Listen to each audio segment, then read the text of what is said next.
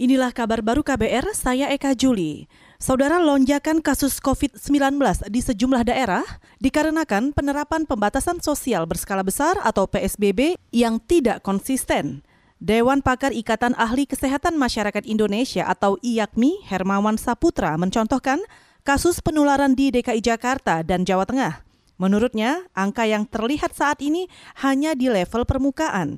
Ia memperkirakan kasus nyata lebih dari 2,5 juta kasus positif COVID kebijakan satu-satunya kita PSBB, tetapi tidak ada yang menjalankan PSBB secara konsisten. DKI pun sudah menyebutnya transisi dan itu longgar sekali. Nah, jadi uh, belum lagi dikaitkan dengan analisis uh, sosio uh, politik ya kaitan pilkada. Yang kedua, kita punya aktivitas sosio ketenaga kerjaan, demonstrasi terkait dengan Undang-Undang Cipta Kerja, belum lagi aktivitas sosial pariwisata, keterbukaan lokasi di mana-mana, belum lagi sosial keagamaan, ya, heboh Habib Rizik dan lain-lain. Dewan Pak Pakar Ikatan Ahli Kesehatan Masyarakat Indonesia Hermawan Saputra menambahkan, tiga bulan terakhir merupakan periode yang cukup sibuk di tanah air.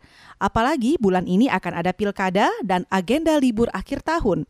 Hermawan khawatir dua hal itu memicu kerawanan penularan COVID-19 yang semakin masif. Kita ke Jawa Barat. Tujuh daerah di Provinsi Jawa Barat masuk kategori zona bahaya COVID-19, di antaranya Kabupaten Bandung, Tasikmalaya, Karawang, Kota Bekasi, dan Cimahi. Menurut Wakil Gubernur Jawa Barat UU Ruzanul Ulum, dari tujuh daerah zona bahaya itu, tiga di antaranya akan menggelar Pilkada Serentak 2020.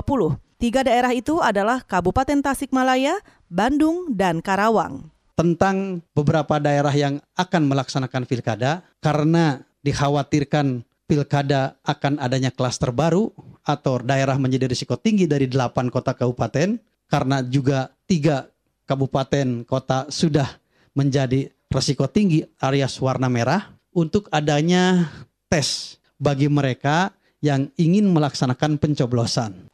Wakil Gubernur Jawa Barat UU Ruzanul Ulum belum memutuskan apakah akan diadakan tes cepat di daerah-daerah tersebut karena perlu kajian ilmiah.